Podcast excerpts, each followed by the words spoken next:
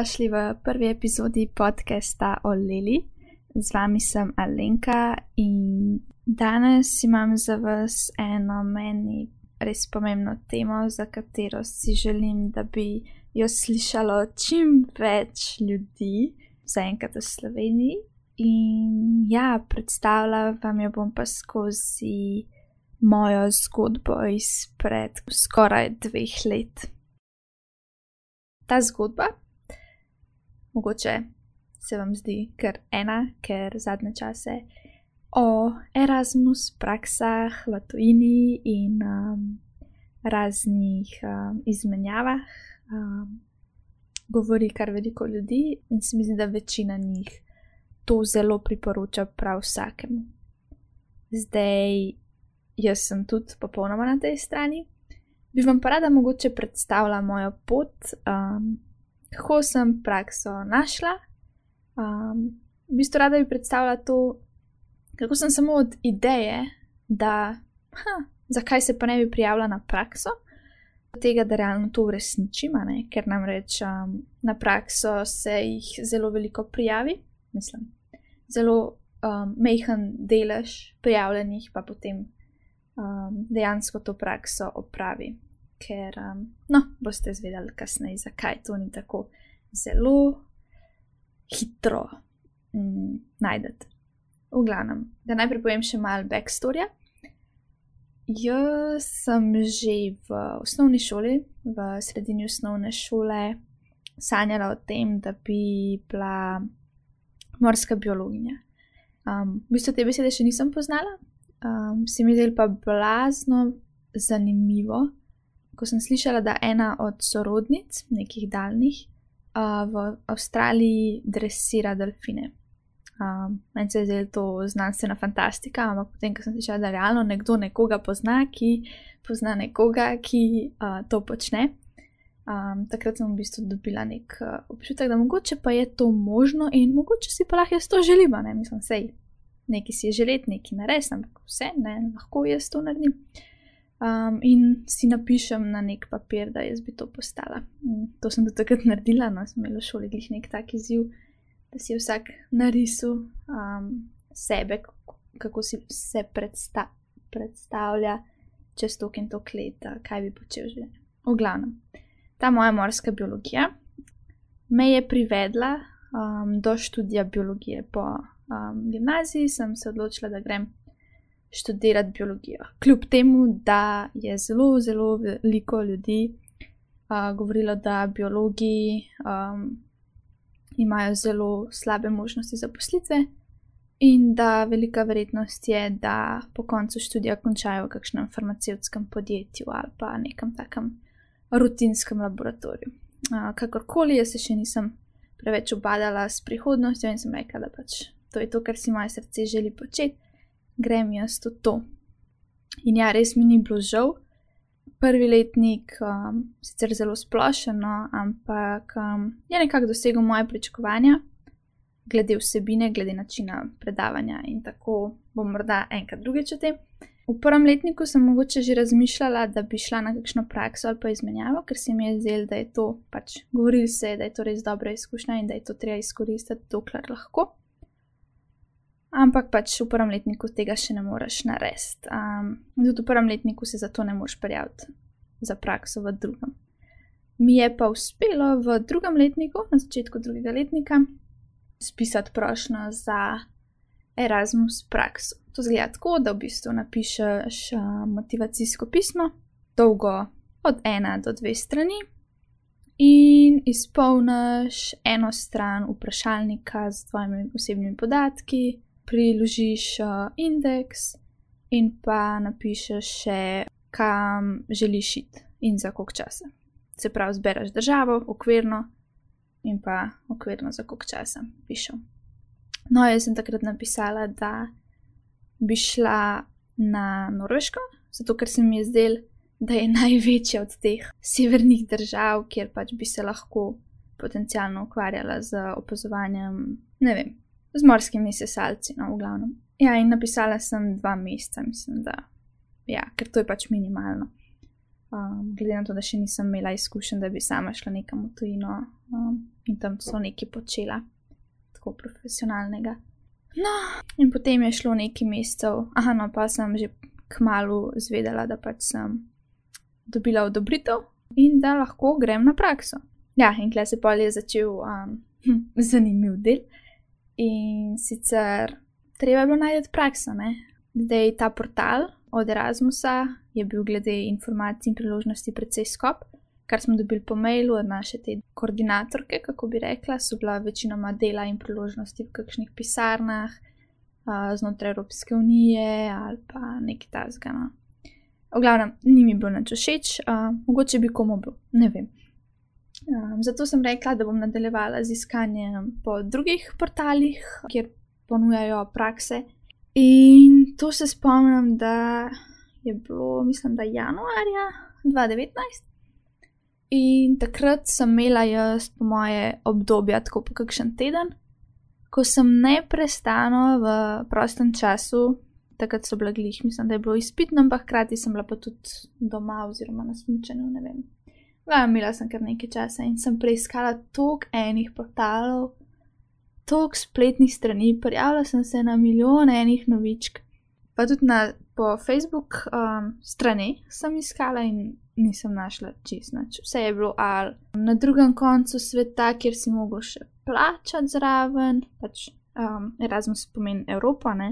Um, ja, večinoma si mogel plačati ali pa, v glavnem, malo sem že pozabila, no, zakaj mi vse ni bilo všeč, ampak res um, nisem našla nobene primerne priložnosti. No, Potem sem enkrat celo naletela na eno priložnost prakse na Madeiri, če se ne motim, kjer bi delala na Whale Watching Ladji in v bistvu vodila ture, oziroma bila tako kot nek tak izobraževalec na področju tega. Ne.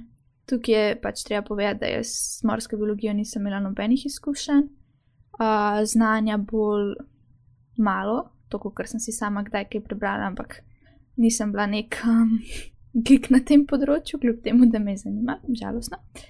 Tako da ja, začela sem potem pisati motivacijsko pismo v angleščini, kar je bil za me kar izziv, no, ker um, še nikoli nisem kaj tazga prof na profesionalnem nivoju počela. In ja, hkrati sem pa se v bistvu spomnila v tistem času enkrat, da zakaj pa jaz ne bi probala, glede na to, da je pač, da imamo danes veliko socialnih omrežij, ki so namenjena spoznavanju ljudi, da bi jaz lepo, ne vem, šla v eno skupino, ki se ukvarja z, ki jo zanima morska biologija, kjer so notri ljudje, ki so zaposleni na tem področju, in bi pač vprašala, hej, um, meni je to, ne vem, me zanima praksa na tem področju, a ima kdo kakšne ideje, izkušnje. Uh, predloge, ponudbe za me, kjerkoli po svetu zato ker nisem hotela nobenega umevati, mogoče bi pa pač sen bila kakšna priložnost tudi znotraj Evrope. No, in isti večer, no, potem jih je nekaj napisalo komentarje s predlogi, večina jih je bilo nekje tam v Filipini, pa tako da si mogo še plačati, pa v glavnem, nič pametnega. Sem pa še isti večer um, dobila sporočilo od ene raziskovalke iz Islandije, In ona mi je napisala eno zelo zanimivo sporočilo.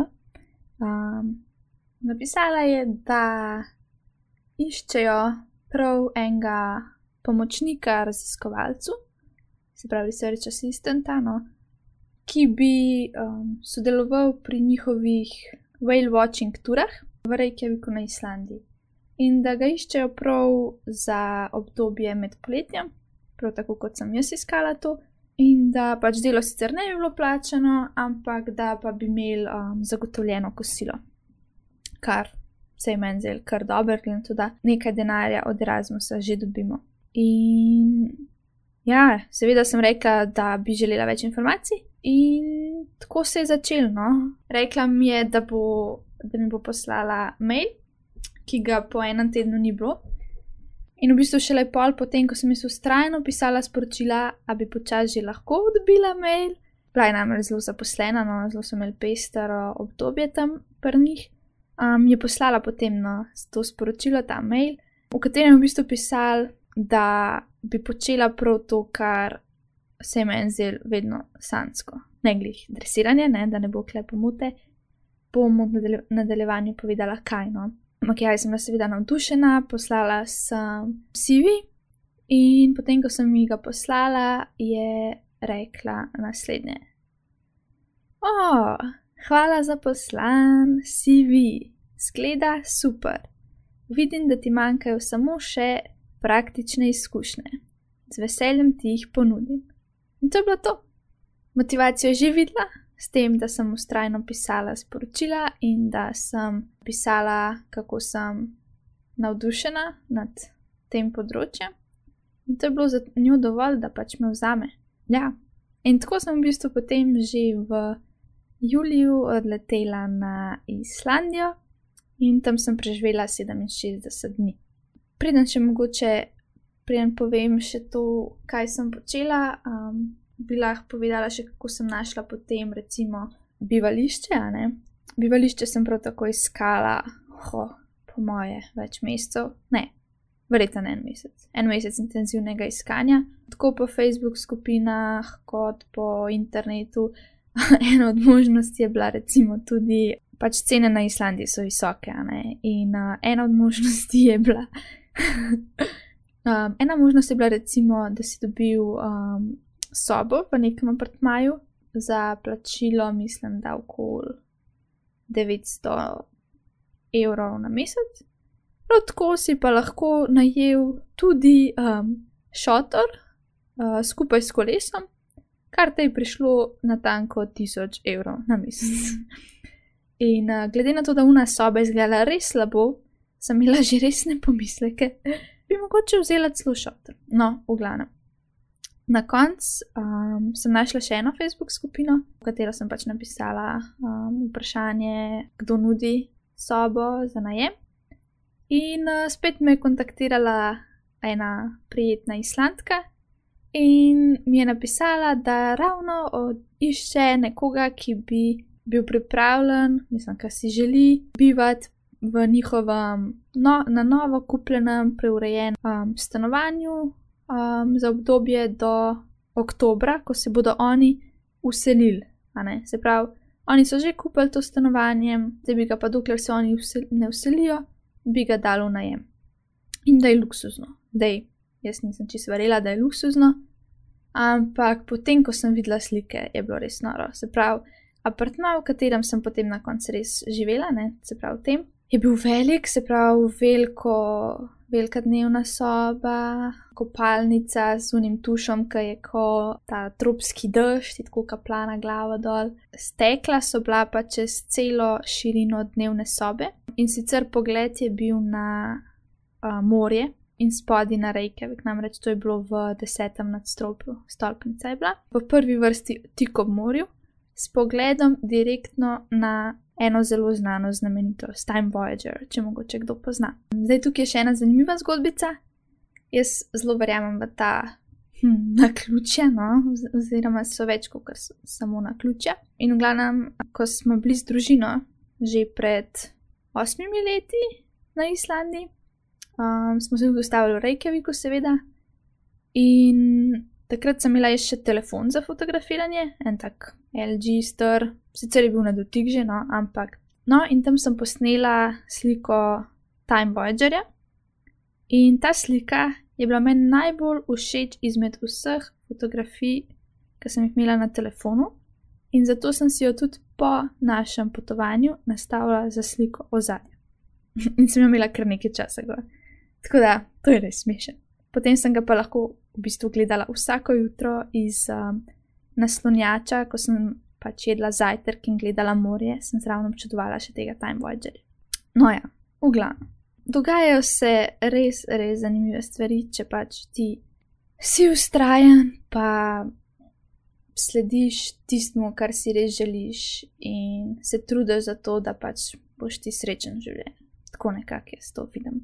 Ja, no, da zdaj pridemo k stvari, kaj sem jaz tam počela. Uh, se pravi, to je eno tako podjetje, ki se ukvarja z triurnimi turami, ko grejo v bistvu z ladjo, mislim, da ta ladja spreme do 150 potnikov grejo um, ven, pač na. Tam je en zelo velik zaliv, no, in pluje po tistem zalivu kar nekaj kilometrov, in vmes se pač ustavijo, ko opazijo kakšnega kita v daljavi. No, jaz sem bila v bistvu na tej ladji, se pravi, dnevno so tri ture bile, po tri ure. In jaz sem se udeležila ponovadi dveh na dan, delala sem pet dni v tednu, odvisno kako je pač prišlo, ne? enkrat v nedeljo, enkrat v ponedeljek, enkrat v sredo, enkrat ne. Tako.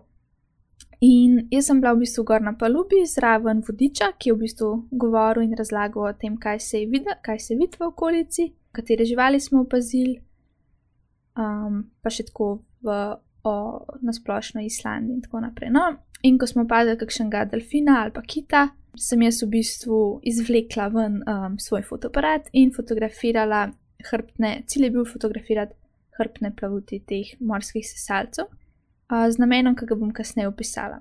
Hkrati sem zapisala še okoljske podatke, vremenske podatke, no, um, številčnost osebkov in tako naprej. No. Hkrati sem tudi seveda pomagala, če je imel kakšni, kakšen od obiskovalcev kakšne posebne želje, pomagala sem tam v njihovem baru noter, pomagala sem jim oblačiti tiste tople pajace, pa če bo kakšen dež ali pa Kdaj so bile razmere že kar precej, precej zimske? No? Ja, no, mogoče o kakšnih, podrob kakšnih podrobnostih še kdaj kasneje. No. Mm, potem tiste dni, ko sem bila pa pač frej, ko nisem bila na ladji, no na terenu, sem pa potem doma, ne v tistem apartmaju, na računalniku um, identificirala te osebke, ki smo jih opazili. Se pravi, um, oni imajo en katalog uh, osebkov, ki so jih že identificirali, se pravi, delfini in kiti imajo hrbtne plavuti, ne? to so une gor na hrbtu, kot jih imajo morski psi. In zaradi teh njihovih medvrstnih interakcij uh, in znotraj vrstnih interakcij, um, in zaradi kakšnih okoljskih problemov in raznih dejavnikov, uh, se te plavuti obrabijo ampak seveda se ne obrabijo pri vsakmu enako in niso enaki vzorci na njihovih plavutih. Zato se da vsaka posebej identificirati, glede na to, kakšne um, poškodbe imajo na teh plavutih. No, in jaz sem vzela fotografijo iz tega kataloga, se pravi, ne vem, tisti, ki je imel prasko sred plavuti um, na levi strani plavuti, mu je bilo ime Johnny, ne?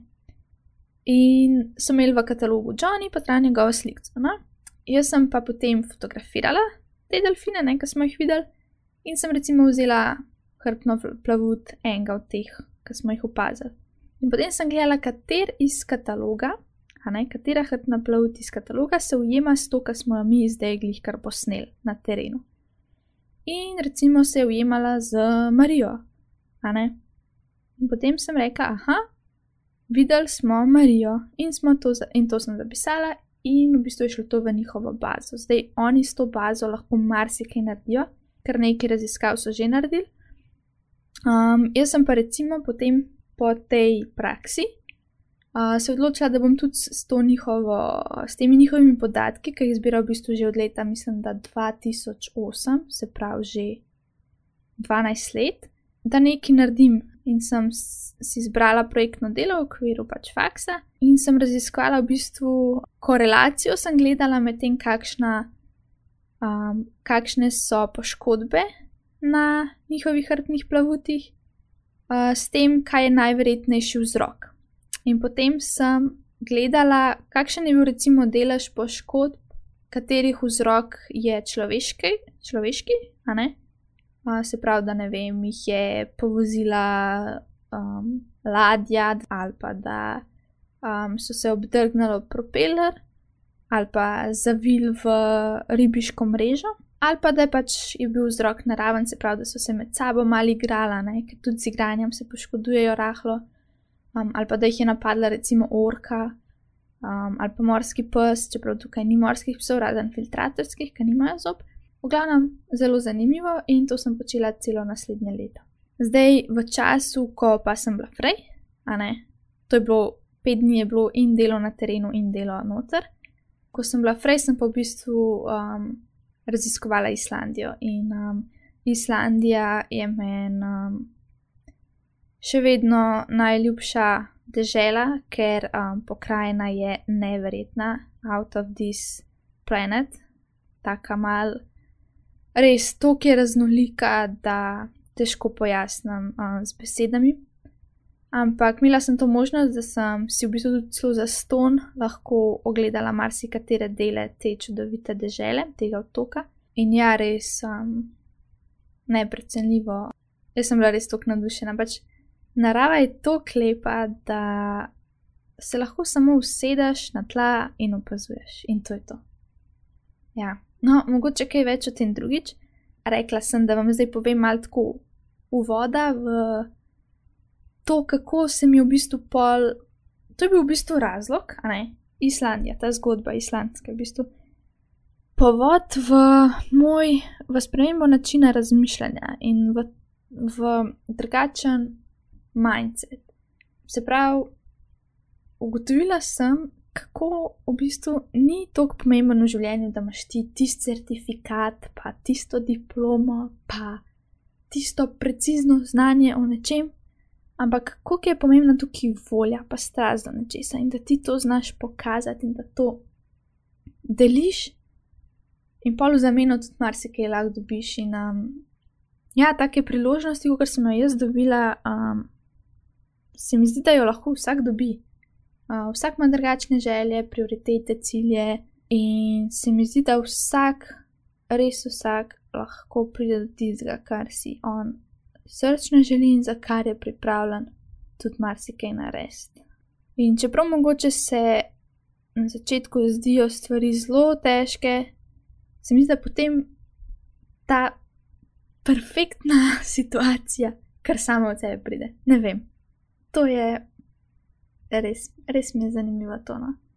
Ja, no, v glavnem odprl se mi je pol tok enih ne vem. Zdaj se mi zdi, da karkoli si zaželim, mi ostane v glavi. Ne rečem takoj, ah, pa to valjda ne gre, ne, to vsi bi si želeli, ampak pač ne moramo, ker pač ne moramo, ker kako lahko človek gre, ker zdaj se odloči, pa gre, ne vem, na, v Avstralijo študirati ali pa kako lahko, ne vem, dobiš službo v tem podjetju, kjer imajo same doktorje, zaposlene ali kaj jaz vem kaj. Zdaj svoje želje in sanje začenjam imeti zelo resno. No. In so moja prioriteta v življenju. Tako da malo razmislite o tem, kaj si res želite. Sploh razmišljate o tem, kaj si res, res, res želite, ne kaj bi bil logični naslednji korak v življenju. Ja, to. Recimo, da je to prva stvar, ki bi vam jo položila na na srce, na roko, ne vem kaj v žakl. uh, Drznite si sanjati, ampak um, pa tudi verjamete, da to je vaša prihodnost, taka fizična, ki se bo udejanjila. Ja. No, um, zelo sem vesela, da ste me poslušali, upam, da ste me uspeli do konca. Če ste tukaj, ste me, bravo. In ja, mogoče se slišimo še v nadaljevanju, kdaj ne vem. Vesela bom kakšnih komentarjev, predlogov, tako da vabljeni na te frekvence, oleli frekvence. A ja, še o imenu oleli pa kdaj drugič. Mogoče kdo že kaj ve, no, ampak se pustimo presenetiti, pustimo kaj za naslednjič. Fajn bo te, lep dan, čau, čau.